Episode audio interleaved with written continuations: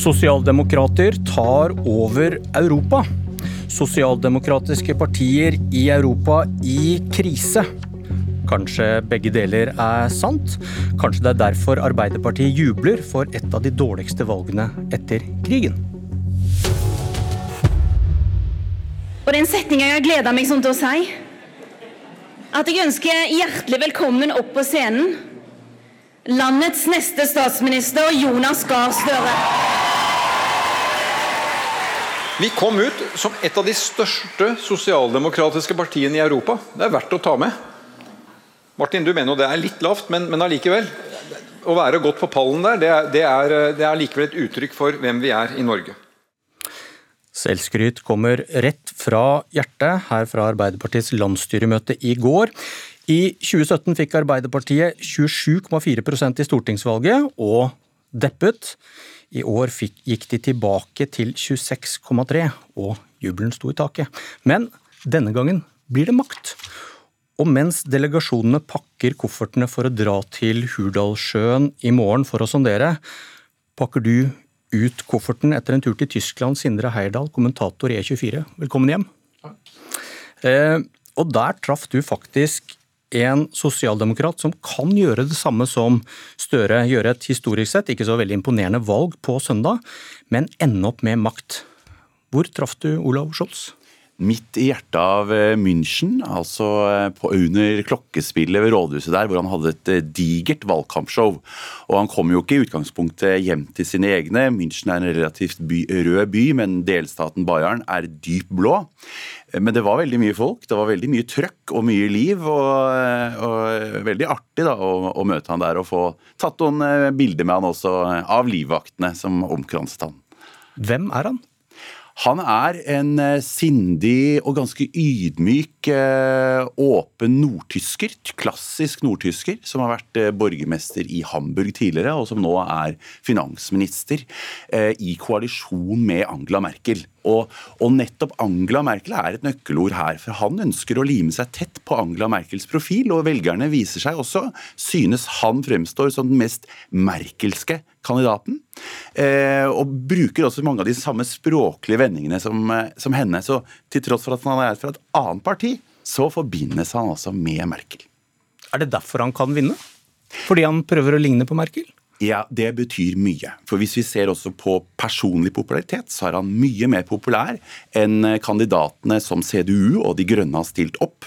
Og Han er jo da med å trekke sitt parti til en viss grad oppover, sånn at de nå leder med noen prosentpoeng, særlig da på CDU.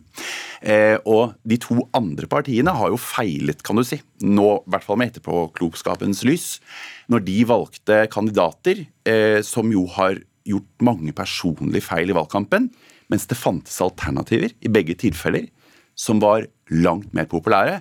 Og en mann som heter Markus Søder fra nettopp Bayern skal vi legge merke til om fire år. Han er ganske så populær hos uh, tyske velgere. Personer betyr mye politikk, uh, men i hvilken retning vil han ta Tyskland? Det er jo naturlig at han vil ta det til venstre til en viss grad. Nå har vi hatt en stor koalisjon, så det har vært en veldig sentrumsorientert kurs under Angela Merkel. Han vil ikke selv svare på om han ønsker å, å regjere med De Linke, altså venstrepartiet i Tyskland, som har en viss eh, DDR-fortid også. Han svarer ikke åpent på det, men det betyr vel at det kan være mulig òg. Men samtidig, antagelig trengs det minst tre partier, uavhengig av hvem som vinner, for å danne et flertall. Så det blir en ganske bred koalisjon her også. Det blir ingen dramatisk ny kurs, slik det ser ut som. Kan man kalle det en, at han også må ha en rød-grønn løsning som i Norge? Det kan lett bli. Det er mye snakk om det. At det kan bli da Sosialdemokratene, De Grønne og kanskje også da eh, Venstrepartiet. Du, grunnen til at du er her i dag, det, det, har lenge vært snakket om de sosialdemokratiske partienes fall i Europa. Um, har det vært tema i Tyskland, nå som sosialdemokratene igjen kan få forbundskansleren? Ja, og det var jo bare noen måneder siden så avskrev de fleste tyske kommentatorer helt at sosialdemokratene igjen kunne få kanslerskapet i Tyskland. Men eh, nå har jo det endret seg litt, og mange der nede har også lagt merke til hva som har skjedd i Norge, og det har blitt omtalt mye. Man påpeker jo samtidig at sosialdemokratene er på et annet nivå enn i tidligere tider, og at de trenger bredere koalisjoner, og at velgermassen er mer fragmentert. Men parallellene trekkes eh, der nede, nå i en intens innspurt, hvor det altså fortsatt er en viss mulighet for at eh, Angela Merkels parti kan ta igjen det tapte. Det blir spennende å se. Og det skjer søndag? Det gjør det. Takk, Sindre Herdal. Velkommen Kristin Clemet og Trygve Svensson. Tyskland, Europas største økonomi, kan altså få en sosialdemokratisk leder. Og hvis ikke det skjer rare ting i Hurdal, blir det sosialdemokratiske ledere i Norge, Sverige, Danmark og Finland snart også. Clemet, daglig leder i Civita. Er, er Otto Schultz og Jonas Gahr Støre del av samme sosialdemokratiske bølge? Det syns jeg er litt vanskelig å si, men det er jo noen fellestrekk altså vi ser rundt i Europa. At det er en eh, ganske sterk fragmentering. altså Det blir flere partier, mer jevnbyrdige jevnbyrdig størrelse. Og sosialdemokratiske partiene har jo et par tiår jevnt og trutt gått tilbake. Og Det som skjer nå eh, i mange land, det er jo at sosialdemokratene for å komme til makten må gjøre det på en annen måte enn i gamle dager, hvor de kunne regjere alene og var sterke nok til det. Så nå må de bygge koalisjoner eh, og på en måte gjøre det som vi har vært vant til at de borgerlige Norge da, eller Skandinavia har gjort i hele etterkrigstiden og de borgerlige Norge siden eh, tidlig 60-tall, at de må samarbeide med hverandre. Og så syns jeg mønsteret er såpass forskjellig i disse ulike landene at det er litt vanskelig å si hva fellestrekket er. Hvis vi går til Danmark, så har vi jo en eh, sosialdemokratisk mindretallsregjering som kom til makten med faktisk mindre oppslutning enn Jonas Gahr Støre har fått nå, eh, men som kom til makten fordi hadde, hun hadde lagt partiet kraftig til høyre i innvandrings- og verdipolitikken. Og Går vi til Sverige, så har vi en regjering med sosialdemokrater og Miljøpartiet, som har regjert eh, omtrent på samme periode som Solberg-regjeringen, men som nå sitter på nåde eh, med et borgerlig parti på vippen. Men der har de vel også strammet inn innvandringspolitikken fra ja, det, utgangspunktet? Det har nok alle land gjort. Eh, altså Disse innvandringskritiske partiene i alle land har påvirket de store styringspartiene. Men bare for å gjøre dette ferdig, da, i Sverige så sitter jo da Senterpartiet, som ikke er som det norske Senterpartiet, men et veldig liberalt parti på en måte, og, og, og bestemmer nesten hva slags politikk som skal føres. Og i Norge så er jo et, det spesielle dette med Senterpartiet. Eh, som jo er et sentrumsparti, har klare borgerlige islett, og som er på en måte det partiet som har flyttet velgere over streken i Norge. Så det er eh, litt forskjellig, og Europa består jo heller ikke bare av disse landene, så å si hva slags bølge dette her er, det, det jeg, eller om det er en bølge, det tror jeg er litt vanskelig å si. Trygve Svensson, i Agenda har du lettere for å se eh, fellestrekket. Hva tror du er grunnen til at mange sosialdemokrater kommer til makten i flere land i Europa? Altså Med ett ord så er det jo ulikhet. Eh, fordi det rett og slett er det store politiske temaet i tiden vi lever i. Det nevnte, det, det, det nevnte, ikke, det nevnte ikke Clemet? Eh, nei, men det er jo fordi jeg og Clemet representerer litt ulike interesser i det norske samfunnet og ser verden ulikt. Og det er helt legitimt i et demokrati. Sånn skal det være. Og eh, jeg syns Sindre ga en glimrende gjengiving egentlig av av, av, norske, av, av den tyske valgkampen. Men, men kanskje én ting til kunne vært nevnt, og det er jo at et veldig viktig tema i den siste store partilederdebatten, eh, det var jo minstelønn. Eh, og Der ser vi jo at SPD, Olaf Scholz og De Grønne er veldig enige om at minstelønn eh, den bør heves betraktelig. Veldig viktig sak for van, vanlige folk i Tyskland, for å bruke et, et, begrep som har vært stort i denne valgkampen. Så det tror jeg kan være en del av forklaringen. Og så er jeg veldig enig med Clemet i at de ulike landene har ulike historier og ulike dynamikker. Eh, og jeg tror egentlig vi kan snakke om at styringspartiene i Europa har vært i krise. Altså Se på Frankrike, f.eks. Der dette topartisystemet er blitt fullstendig på hodet. Og eh, sannsynligvis blir det en skikkelig høyrepopulist som blir presidentkandidaten for høyresiden. Se på hva som har skjedd med torgene i Storbritannia, sant? med Boris Johnson. Eh, eller republikanerne i USA med Trump. Altså, Styringspartier i hele Vesten har egentlig vært i en krise. Eh, og nå lever vi i ganske dramatiske politiske tider. Du har ulikhetskrise, og så har du klimakrise. Begge disse tingene krever sterk politisk styring. Og hvis det er noe som har vært sosialdemokratiets varemerke siden andre verdenskrig, så er det at du møter dramatiske politiske situasjoner med sterk styring. Og det tror jeg er en av grunnene. Også i tillegg, selvfølgelig, helt enig med Clemet, eh, sosialdemokratene er blitt mye flinkere å samarbeide. Det har vi sett i Norge, og det ser vi nå i mange ulike europeiske land. Clemet, hva sier du til påstanden om at det er ropet etter en sterk stat som er en slags fellesnevner her? Jeg tror det er en litt for enkel analyse, men jeg tror etter pandemien så er det jo eh, visse ting som er satt på dagsorden. Eh, for det første så er det helt klart at sosiale forskjeller det engasjerer folk, eh, og de har blitt større på visse områder i forbindelse med pandemien. Og så er det etterspørsel etter sterke, velfungerende stater slik vi har i Norden.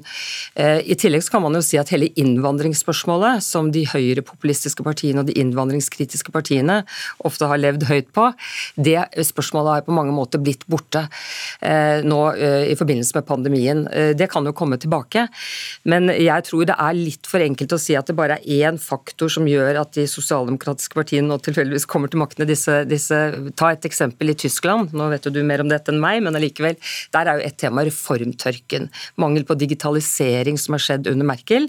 At det har kommet til syne under pandemien. I Norge så var det vel mer snakk om at Erna Solberg hadde gjennomført for mange reformer reformer eh, som nå liksom skal reverseres eh, delvis av en ny regjering. Så det er veldig forskjellige dagsordener også. Og Mette Fredriksen hadde aldri kommet til makten hvis ikke hun hadde eh, bestemt seg for å føre en så streng innvandrings- og integreringspolitikk at hun nesten satte Dansk Folkeparti i sjakk matt.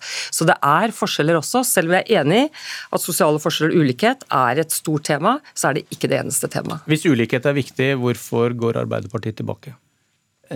Altså, jeg kan jo bare si noe om det med innvandring. for jeg er veldig Hvis du enig med lover å svare på spørsmålet. Jeg lover å svare på spørsmålet. For jeg er enig med at, at migrasjon det er en av gigatemaene som vi kommer til å leve med i lang tid framover.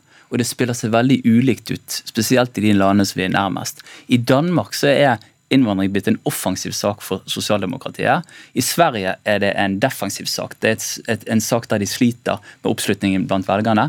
I Norge er det litt mer en nøytral sak, for vi politisk sett ofte er midt mellom Sverige og Danmark. Så her utgjør det ikke den samme type eksistensielle trusselen for sosialdemokratiet. Det syns jeg er liksom viktig å ha med seg. Eh, når det gjelder å gå tilbake, så er det jo rett og slett fordi at vi lever i ganske dramatiske tider. Eh, noen velgere går etter eh, enda sterkere løsninger. Vi har jo da fått et storting, et enormt progressivt skifte kan vi si på Stortinget. Bare tenk på alle mandatene. Så at, og, og velgerne har flere flere steder å gå. Det tror jeg er den enkle forklaringen på det. Men Det, det er i og for seg interessant å se, for det, det er ikke noe vanskelig å telle stemmer og mandater og prosenter. Men hvis man skal se på de mer sånn underliggende ideologiske strømningene, så er det jo verdt å merke seg i Norge at Senterpartiet, Høyre og eh, Fremskrittspartiet kan også danne flertall. Og noen av de eh, strømningene man ser prege de partiene som har vunnet, er jo ganske konservative strømninger. At man vil nostalgiske, man vil tilbake, man vil reversere. Og vi så også tendenser i, i skolevalget som gikk i en litt annen retningen vi hadde ventet. Så hva de underliggende ideologiske strømningene er, det er ikke alltid lett å okay. se på, på, stemmetallene. Hva tror dere skjer i Hurdal de neste dagene? Tror det, det er jo eh, sonderinger og, og, eh, og, spennende samtaler. men, men det som kommer til å skje, er at de som sitter der, de skjønner at de har fått et veldig kraftfullt mandat fra norske velgere. En velgerbevegelse som egentlig begynte i 2017, fortsatte i 2019. Norge befaget rød-grønt lokalpolitisk i 2019. Og eh, nå så, eh, så, er de nødt til å svare ut hvordan skal vi få til et såkalt rettferdig grønt skifte. Eh, eh gjøre noe med ulikhet. Og, veldig viktig som vi har glemt å nevne her, eh, interessepolitikken er tilbake for fullt. Og Det er en av nøklene til at Arbeiderpartiet gikk inn i valgkampen som det tredje største partiet, og endte som det største fordi de revitaliserte. Dette okay. slagordet 'vanlige folks tur' revitaliserte interessepolitikken i norsk. Hva tror du om Hurdal? Nei, jeg, jeg, tror mest at de kommer til en slags enighet. Jeg tror ikke, Det er ikke åpenbart at eh, SV og Senterpartiet har helt sånn udelt interesse av å gå inn i en flertallsregjering, men når de har satt seg ved bordet, så taler jo veldig mye for at de greier å, å komme til en slags enighet. Og Det er en forskjell fra Nydalen, som enkelte sammenligner med, tilbake i 2013, og det var jo at de var åpne for å lage samarbeid samarbeidsavtale med støttepartiet på Stortinget. Men det er jo noe Senterpartiet her uh, har sagt at de ikke er interessert i. og Hvis det ikke er på bordet, så, så må på en måte et av partiene forlate forhandlingene eller, eller sonderingene for at de ikke skal komme frem til enighet. Takk for tankene. I morgen sonderes det i Hurdal, så får vi høre etter hvert om jubelen i Arbeiderpartiet fortsetter eller stilner. Dette var Politisk kvarter. Jeg heter Bjørn Myklebust.